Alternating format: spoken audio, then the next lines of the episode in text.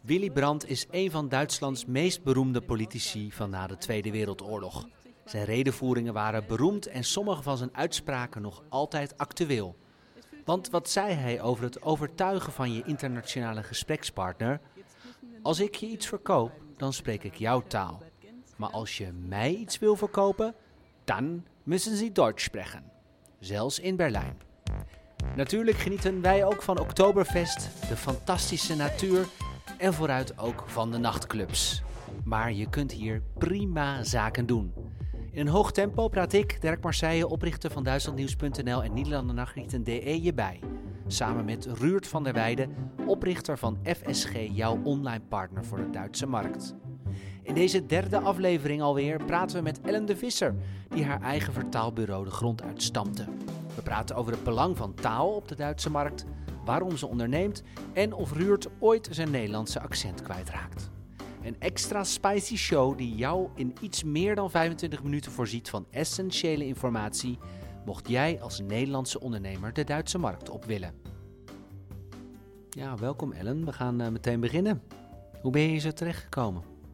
Ja, ik denk, uh, ja, in vergelijking met andere, veel andere Nederlanders, ik had zo'n beetje zo'n liefde voor de Duitse taal ontwikkeld of zo. Volgens mij had ik, hebben we daar ook een keer over gepraat, maar Vroeger ben ik altijd naar Duitsland op vakantie geweest. En daar heb ik zo'n beetje, ja, toch met dat vakantiegevoel en sorry, dat relaxed of zo, dan die Duitse taal is een beetje opgepikt. En ik deed altijd op school heel erg mijn best. En uiteindelijk komt dan de vraag uit, wat wil je studeren? En voor mij was het Duits.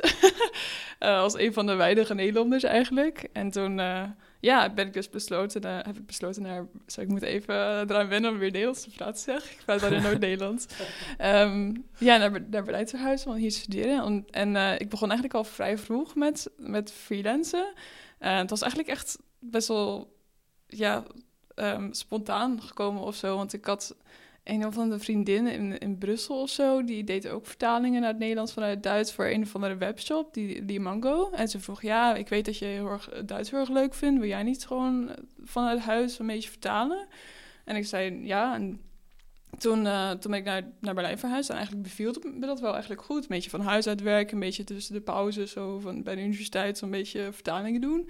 En toen heb ik ja, via Indeed of zo nog andere bedrijven gevonden die freelance vertalers nodig hadden. En zo is het eigenlijk gewoon een beetje gekomen dat ik dan tijdens heel mijn studie gewoon freelance ging vertalen. En toen kwamen er via van die, een van de Facebookgroepen dan ook andere bedrijven die dan fietsen verkochten online of zo. En dan naar Nederland, uh, naar Duitsland wilden uh, ja, expanderen. En dan die webshop dan in het Duits wilden. En ja, eigenlijk is het best wel... Ja, ik had niet aan het begin van mijn studie gedacht van... ik ga nu een vertaalbedrijf beginnen of zo. Eigenlijk was het gewoon een beetje...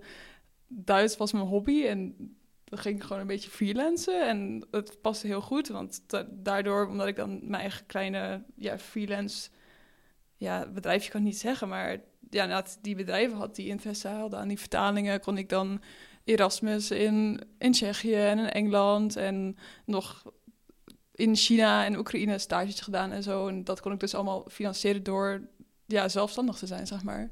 Dus, uh, maar zie je, zie je jezelf nu meer nog als zelfstandige of echt als een bedrijf? Nee, echt als een bedrijf. Zeg maar. ja, wat, wat is dan voor jou mhm. die... Wat is het moment geweest dat je besloten hebt om er een bedrijf van te maken? Want ik, ik ken heel mhm. veel freelancers en heel veel... En met name in de vertalinghoek zijn heel veel mensen blijven ja, op dat niveau als, als freelancer. Wat natuurlijk helemaal oké is.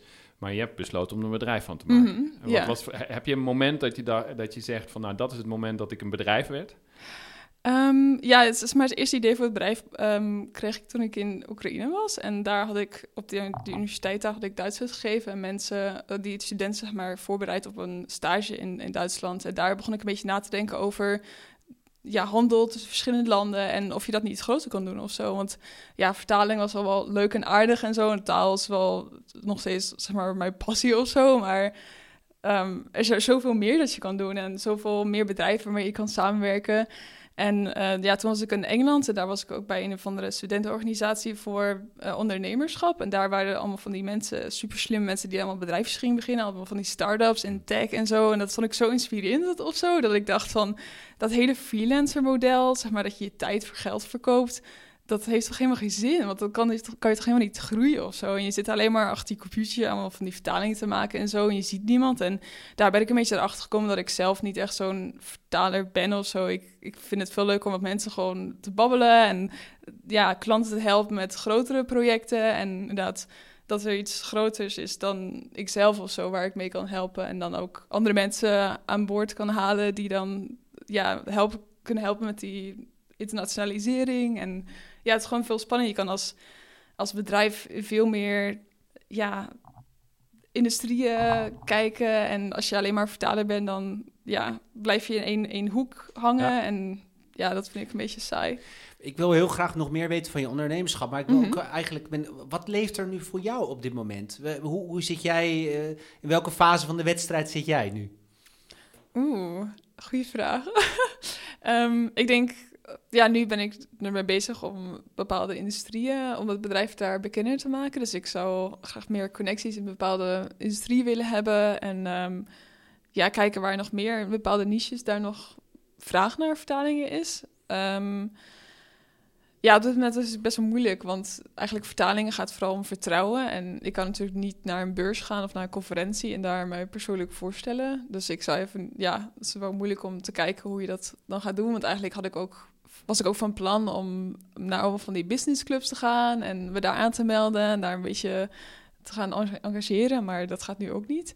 Um, maar ja, dat ik nieuwe industrieën verken en hm. ja. ja. Ja, want eh, bedoel, eh, we, hebben die, die, die, vraag geloof ik nog niet, nog niet gesteld. Zo van, met hoeveel, hoeveel klanten heb je nu, hoeveel vertalers heb je nu in dienst? Kun je ons een, beetje een indruk geven mm. van wat, wat nu, hoe je business er nu voor mm-hmm. staat?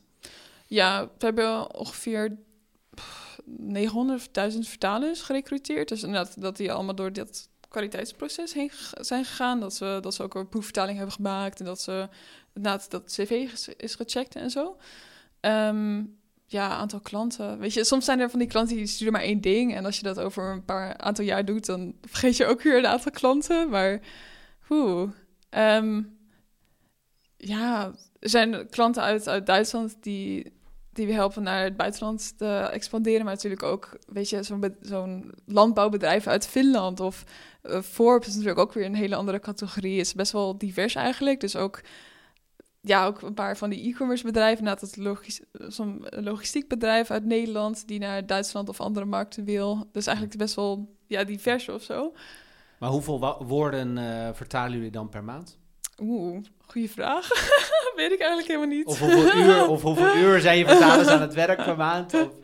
Is, is, is daar een mm. soort van. Ik heb, ik heb bedoel, ik vind mm. die database van 900 tot 1000 mm. uh, gecertificeerde vertalers vind ik al gigantisch. Uh, Maar die, die, je, je moet die mensen denk ik ook wel, wel aan het werk houden. Want anders zeggen ze van ja, haal me uit de database, want ik krijg nooit werk van jullie. Ja, ja. Nee, dat gebeurt inderdaad soms wel eens. Ja. Um, hmm. Goeie vraag. Ik weet even niet uh, wat ik moet zeggen. Oké, nee, maar het gaat hartstikke lekker, dus dan begrijp ik. Jawel, ja, ja, inderdaad. Het is inderdaad groeien, ondanks corona ook. Ik denk, uh, ja, het is wel natuurlijk ook jammer dat je dan het jaar niet hebt gehad om uh, te netwerken. Maar de vruchten, hoe heet dat?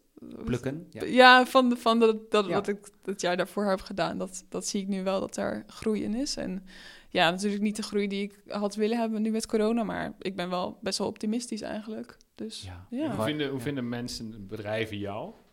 Wat is jouw primaire eh, kanaal om klant, nieuwe klanten te vinden? Um, ja, net, meestal door persoonlijke netwerken. Eigenlijk, ik heb wel um, met Google het ook geprobeerd. Maar je ziet vaak dat dat mensen zijn die, die in één keer op zoek zijn naar een vertaling. En dan is het gedaan. En ik vind het toch wel fijn om met mensen samen te werken die ook een ja, langdurige visie hebben voor een internationalisering van hun bedrijf. En dat je dan ja, langdurig met ze kan helpen die goede vertalingen te leveren. Um, en dat je, ja, vertaling, zoals gezegd, gaat, gaat heel erg om vertrouwen. Dus als mensen weten dat ze jou kunnen vertrouwen, jouw bedrijf met die vertalingen, dan, uh, hoe heet het? Um, bevelen ze ook verder? Of Ja, hoe zeg je dat in. Nederlands?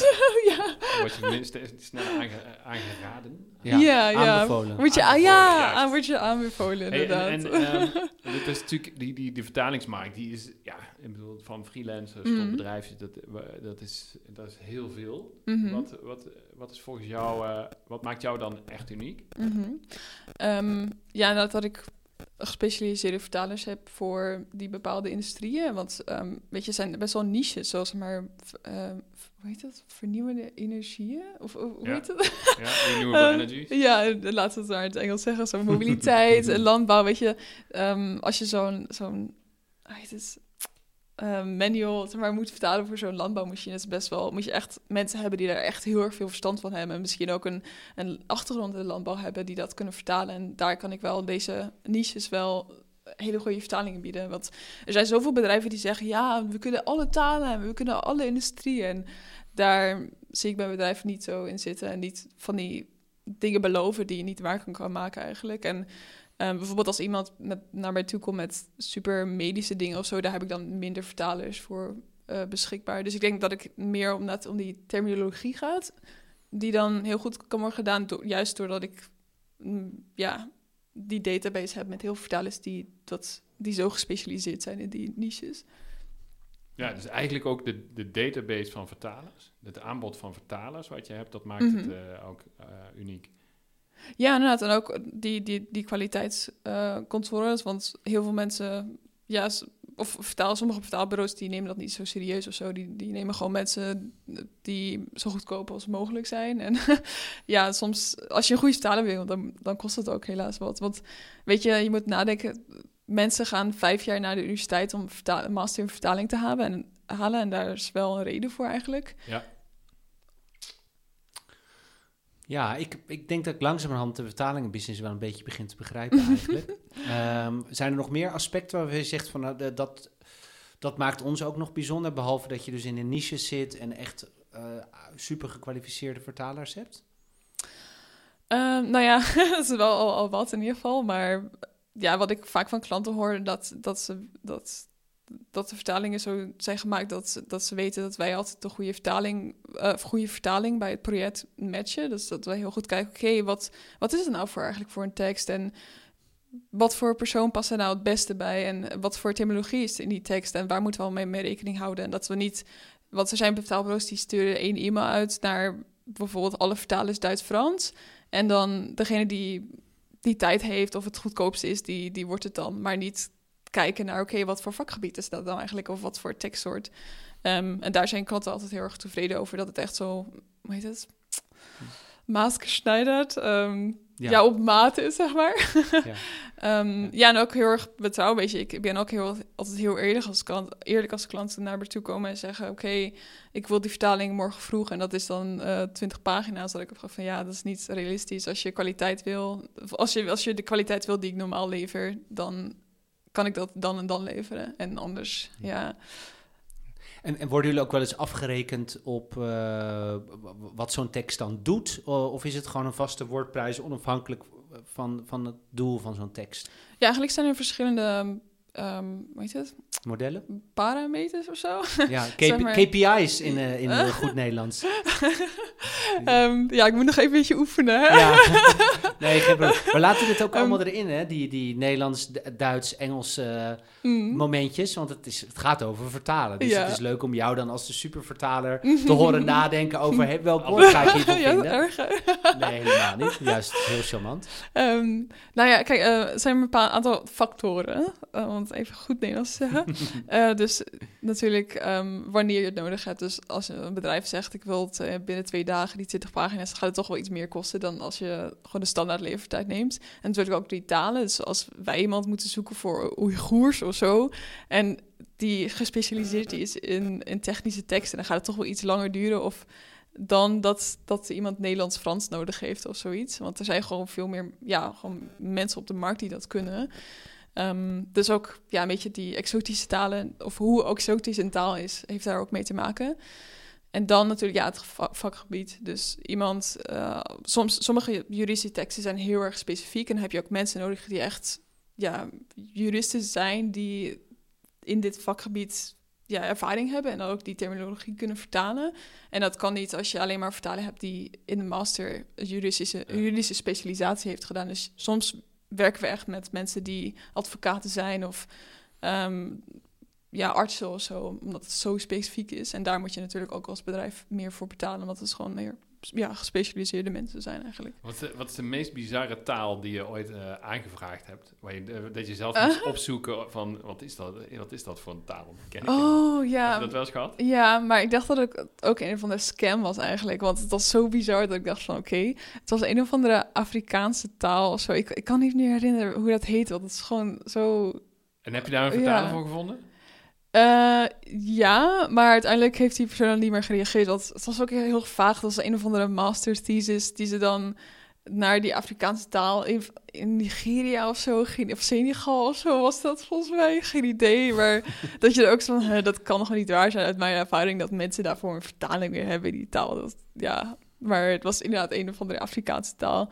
Um, ja, wel wat exotische, exotische um, talen die we hebben geleverd zijn zeg maar, Bengalees of zo. En ook ja, heb ik aanvragen voor Kazachs en Kirgizisch of zo gehad. Dus dat zijn wel ja, de maar die kun je, obscure... er zijn dus talen die jij zelf echt ook geen woord van kan lezen. Dus dan nee, moet je nee, echt nee. volledig vertrouwen op je proces. Ja, maar zelf vertaal ik sowieso niet meer. Dat is ook de reden waarom ik dat vertaalbedrijf ben begonnen, omdat ik daar geen zin meer had. Ja. ik hou ervan om dingen te delegeren. Ik denk dat het zo'n goede eigenschap is. De wapperende handjes, even ja. het argument kracht bij te zetten. ja. Zeg, uh, kan je nog een glas water halen? Ja, natuurlijk. Ja. Dus... Um, uh, in hoeverre heeft het nou ook met, met, uh, met, met, uh, met Nederlands, als Nederlandse in Duitsland te maken? Heb, bedoel, merk je nog dat je daarin. Want waar komen je klanten nu vandaan? Uh, uit Duitsland natuurlijk. Want ja, de vertaling is ook veel lokaal. Het heeft ook met het vertrouwen te doen dat iemand uh, ja, om de hoek zit die dat voor jou kan regelen. Dus wel ja. Duitsland ook natuurlijk, omdat ja. ik naar Duitse beurzen ga. En, en, horen ze dan nog dat je Nederlandse bent? Of, uh... Vaak niet, maar het ligt er een beetje aan. Weet je, soms met accent is dat een beetje, als je moe bent of zo, dan hoor je dat een klein beetje. Of ligt, ligt ook een beetje aan de persoon dat ze merken, of dat, dat ze dan, vaak is het zo dat je dan zegt dat je uit Nederland komt en dan opeens merken ze dat je een ja. Nederlands accent hebt of zo. Ja. En je hebt je naam natuurlijk ook niet mee. Want ja, inderdaad. Dus het, uh, Hollandser kan het eigenlijk niet, hè? Ellen de Visser. Ja, dat, dat, er zijn weinig Duitsers waarschijnlijk die zo weet, heten. Weet je wat grappig is eigenlijk? Want mensen hier in Duitsland is van die adel, adellijke namen, zeg maar, dat je dan met de of uh, van dem of zo. En dan denken mensen altijd dat het zo'n zo'n adelnaam is of zo, maar het is eigenlijk maar de vissers. Ja, dat, dat, is de reden waarom mijn vrouw met mij getrouwd is, omdat ik Van der Weide heet. Dat vindt iedereen een chique naam, terwijl in Nederland is dat natuurlijk gewoon 0815. Ja. Maar de, ik, ik, uh, ik denk dat de belangrijkste reden is dat ze, dat ze met me wilde trouwen. Ze wilde heel graag die achternaam hebben. Ook nog... oh, Mocht ze nu luisteren... dat doet ze toch niet. okay. Ook ja. nog een grappige anekdote misschien, want hier in Duitsland heb je natuurlijk uh, Helene Fischer. En dan vertel ik altijd zo'n grap dat Ellen, dat komt natuurlijk uit het Grieks van Helene, Helena. En zo, en de Visser is natuurlijk de Fischer of Duits. En dan dat ik eigenlijk in het Duits Helene Fischer heet. Perfect, inderdaad. Ja, ja, je roept meteen beelden op natuurlijk. Hè? Ja. ja. dat is hartstikke goed. Je kan de roddelbladen hier niet uh, bekijken. Zonder dat zij erop staat. Dus uh, dat iedereen kent haar. De zangeres natuurlijk, hè? Uh, hoe heet het? Een titel met iets uh, met nacht, toch? Atemloos. Ja, ja, atemloos. ja, ja. Ben, je, ben je dan nooit bang dan in, de, in gesprekken met die klanten dat je dan een, een, grammaticaal foutje maakt? Of dat, je, dat er iets gebeurt wat niet helemaal... waardoor ze opeens denken van... Hmm, weet je, dit, dit, dit klopt niet helemaal. Dus gaan die vertalingen dan hmm. wel... Of, of ben je 100% van overtuigd dat jouw Duits gewoon zo, zo correct is als dan een Duitser dat zelf ook spreekt. Ja, eigenlijk wel. Ja, vaak zelf mensen inderdaad ook al ik heb het niet gemerkt of zo. Ik dacht dat je gewoon moedertaal spreken was. Dus eigenlijk... je kijkt zo verbaasd. Ja, ja, ik kijk verbaasd, bij mij, bij mij echt gewoon nog steeds niet het geval Ik denk dat mijn Duits echt heel goed is. Maar wel eh, ja, uh, met, met fouten. Er zitten vooral grammaticaal gewoon bepaalde fouten in. En die... Maar je moet ook denken, ik heb natuurlijk ook hier in Berlijn Duits gestudeerd. Dus ja, ja ik ben al, al met 19 ben ik hier Duits aan het spreken. Dus ja, het is alsof ik hem zo half in Duits ben, Duitsland ben opgegroeid. Ja, of zo toch wel volwassen ben geworden. met interesse te maken. Ja. Dus ik, mij, stoort, mij stoort dat ook niet. En ik, ik, zou het ook niet, ik vind het ook niet erg als mensen bij mij in mijn taal fouten ontdekken. Ja. Dus voor mij is taal heel functioneel, terwijl uh, voor andere mensen is, is taal heeft een hele, ja, een hele andere bedeuting. Ja. Want kun je dat inderdaad verklaren waar die Leidenschaft dan vandaan komt voor, voor het Duits? Wat is het de klank of zijn het de woorden? Of uh, hoe, hoe, werd je verliefd op het Duits?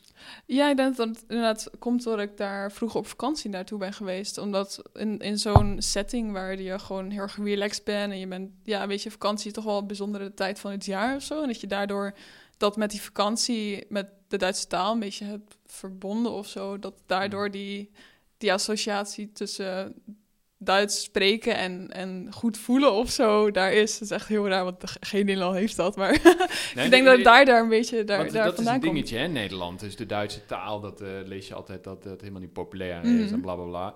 En als je tegen Nederlanders zegt, ik woon in uh, Duitsland, dan komen meteen, oh, midnacht bij tijd.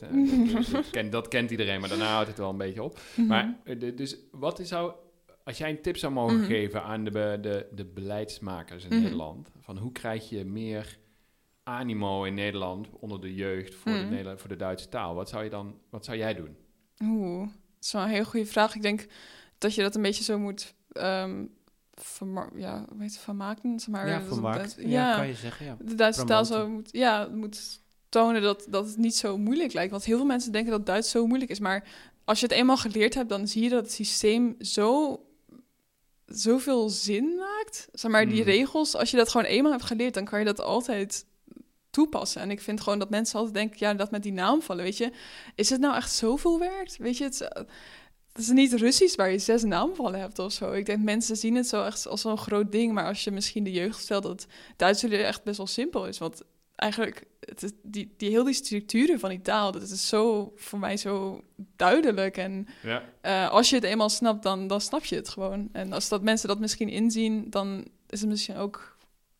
Ja, maar het is dus blijkbaar geen rationeel argument als van het is makkelijk te leren, want het is alsnog iets wat je moet leren. Je, ja. je bent zelf ook begonnen door goede gevoelens rondom een taal te, te, te, ontwikkelen. En ik denk dat dat zo ver weg is in Nederland, die goede gevoelens. Mm uh, Amerikaanse series vindt iedereen cool. Dus je mhm. pikt ook op wat op van. Eh, je ziet het natuurlijk nergens op, op, op tv. Hè? Mm Even vanuit gaan dat tv kijken of online video's kijken, dat dat iets is waar jeugd of jongere mensen ook veel tijd aan spenderen en ook vaak een goed gevoel bij, bij, mhm. krijgen. Maar als je daar dan nooit op, in een mhm. goed moment met Duits in contact komt, dat is natuurlijk ook echt een, een, een mega opgave. Ja, ik weet het niet. Ik vind, ik, ik zelf, uh, ik ben blijven zitten in 4 VWO op Duits. Omdat ik daar een uh, eh, 4 volgens mij had op mijn lijst. En toen, uh, dat, dat, was mijn nekslag, zeg maar, dat jaar. De, de, nekslag was dat ik geen zin had om te leren. Maar ik bedoel, uh, als ik terugdenk aan de middelbare school ook. Ja, het is zo suf, dat Duits. En ik vond het verschrikkelijk. En ik ben naar, naar Berlijn gegaan en ik vind het fantastisch hier. En ik, en ik ben meteen gaan spreken. En, en ik spreek nu zou ik willen zeggen, vloeiend Duits. Dus uh, voor mij is dat zo fascinerend. Hoe kan het dat wij dus niet in staat zijn om die jeugd dat in te laten zien, hoe waardevol en hoe gaaf mm. taal is? Ja, ik denk ook, weet je, die, die docenten, weet je, zijn ook allemaal ja, wat oudere mensen of zo. En weten ook niet echt hoe ze die jeugd kunnen aanspreken of zo. Dus ik denk ook dat als misschien de regering meer doet om meer mensen docent Duits laten worden die zich misschien beter met deze, met deze ja, moderne, zeg maar, digitale visie van de jeugd ja, kan inbeelden of zo, dat, dat het dan ja. beter gaat of zo. Want eigenlijk is het wel grappig, want zo heb ik ook Duits geleerd. Ik had een, een vakantiehuisje daar, dan gewoon Duitse tv gekeken. Echt, in Berlijn heb je, in Duitsland heb je zo Berlin Tag en Nacht, zeg maar. Dat is gewoon echt een hele slechte soap. Maar weet je, omdat je dan wel dingen kijkt die zo makkelijk zijn, ehm, pik je dat wel op of zo? Ja, vooral Duits. Je pikt het zo snel op als je het gewoon hoort. Mhm. Voor de Nederlander is het Duits oppikken toch eigenlijk. Het is gewoon een kwestie van horen en dan misschien niet de naam vallen en zo. Maar ja, ja. Uh, dat is dan mijn hm. ding. Maar hoe Ja, je hebt gewoon heel veel input nodig. Weet je, als je dan het, helemaal nog nooit iets met Duits uh, hebt gedaan en je opent hoog grammatica boek. Ja, natuurlijk snap je er niks van. Maar net als je gewoon misschien een goede tip is als je op Netflix Duitse series gaat kijken en dan gewoon met Nederlandse ondertiteling. Of dan als je dat kan, dan met, met Duitse ondertiteling. Kan dat in het Nederlandse net Netflix? Volgens mij wel. Ja, vast, wel. Ja. vast wel. Er zijn volgens mij zeker uh, ook, de, ook Duitse series op Nederlands Netflix. Oké, ja, super goede tip zelfs. Ja. Sowieso, je kan alles wat je normaal doet ook gewoon in het Duits doen. Weet je dat je dan. Uh, Want ik had toen ook in Nederland een abonnement op zo'n Duits tijdschrift. Maar ja, als je, weet je, ik had gewoon dingen gelezen die ik sowieso al zou willen lezen, maar dan in het Duits. Dus als je meer plezier hebt, dan gaat het ook veel sneller met het leren, want dan ben je veel gemotiveerder. Uh, dus je moet gewoon een beetje een leer, leermethode zoeken die goed bij je past. Ja, maar ga maar eens naar een après-ski club in, uh, in, uh, in, in, in, Oostenrijk. En dan, waar, waar net Helen Fischer dan komt, dan staat iedere Nederlander dat mee te, te mhm. lallen. Dat kunnen we dan allemaal. Dus weet je, de, de, de, ja, maar we kunnen het dus wel, weet je. Dus, dus als we maar mee in mhm. contact komen, dan, dan kennen we ineens al die teksten en dan snappen we het allemaal. maar als we, als we de rijtjes uit ons hoofd moeten leren, dan vinden we het niks. Ellen, uh, mm we hebben nog vier minuten. Oh nee. Uh, ja, dat gaat heel snel. Um, uh, dat is, krijgen we altijd, hè, die feedback van... Oh, het gaat ja. zo snel die podcast met jullie. Omdat wij zo gezellig zijn. Ja, wij zo gezellig zijn. Ik wil blijven. Gemütlich hier. Um, en wij vragen op het einde van de uitzending altijd onze gasten naar een soort van ultieme tip. Mm -hmm. um, omdat onze luisteraars ondernemers zijn, mhm. zakelijk mm -hmm. geïnteresseerd in de Duitse markt. Ja. en jij natuurlijk veel van het lokaliseren van teksten weet in het. Duits... Ehm, zou je ons iets meer kunnen vertellen tot slot over waar moet een goede Duitse tekst nou aan voldoen uh, om succesvol te zijn? Uh, ja, ik denk de grootste tips is eigenlijk dat hele verhaal rondom doe en zie. Want dat is ook heel erg anders dan in het Nederlands. In het Nederlands zakelijk zeg je al veel sneller je en jij tegen mensen dan hier in Duitsland. Het is veel formeler en daar moet je ook natuurlijk ja, je communicatie naar, and naar andere bedrijven toe ook heel erg op letten. Want eigenlijk is de grootste vraag als je aan zo'n vertaling begint doe of zie. En meestal is het antwoord zie, maar je moet inderdaad met iemand spreken die daar een beetje verstand van heeft. Of inderdaad zo'n native speaker vragen wat in zo'n context eigenlijk het beste zou kunnen zijn. Want als jij straks je, ja, je website met je hebt en eigenlijk is de, heel die doelgroep iets ouder en zo. En eigenlijk is het in zo'n context veel normaler dat je iemand met zie aanspreekt. Dan ja, is het best wel ja, onbeleefd of zo. En dat, uh, dan kan je al heel snel een slechte indruk maken. Dus ik denk, ja, goed over nadenken hoe je Duitse doelgroep aanspreekt met do of see. En behoort dit dan ook tot, tot, uh, tot de meest gemaakte fouten door, door aanvragen van Nederlandse bedrijven die jullie krijgen? Dat ze zoiets hebben van, uh, ah ja, weet ik niet, doen jullie maar wat, doe maar do of see, maakt voor ons mhm. niet zoveel uit. Ja, nou, dat, dat mensen daar niet zo goed over nadenken, dat zie ik wel. Maar dat, ja, mensen weten ook niet hoeveel de Duits, Duitsers en Nederlands van elkaar verschillen. Mensen denken wel, oké, ja, het zijn de buren en zo anders zijn ze niet. Maar ik, ik heb ja, sinds ik hier leef, eigenlijk wel zo'n spiegel voor mezelf gezien. Dat eigenlijk Duits en Nederlands heel erg verschillend zijn. En heel die cultuur zit best wel anders in elkaar. En daar moet je ook heel goed over nadenken. Met die teksten en hoe je mensen daar aan gaat spreken. Want ja, je kan zijn niet. De nuances, hè? Ja. Mm Maar die zijn wel doorslaggevend vaak. Ja, en, wat ik trouwens met, met doe en zie, wat ik altijd zo grappig vind, is andersom ook dat, um, dat heel veel Nederlanders denken, ja, je moet dus per se zie gebruiken. Maar zeker mhm. in mijn vakgebied online um, is, is, het heel, uh, heel gebruikelijk en ook heel belangrijk om juist veel te doetsen. Want die jonge doelgroep, en die, mm. ja, mhm. die, die knappen daar juist weer op af als je daar de, de zie uh, yeah. kiest. Mm -hmm. Dus het is niet zo vanzelfsprekend. Het is echt goed om daarover na te denken. En wat ik ook altijd frappant vind, is dat je het door elkaar kan gebruiken. Dus dat je in de, op de site zelf bijvoorbeeld doe kan gebruiken, maar dan in de, in de e-mail die daarna volgt, die dus persoonlijk is, dat dan de klant wel weer met zie wordt uh, aangesproken.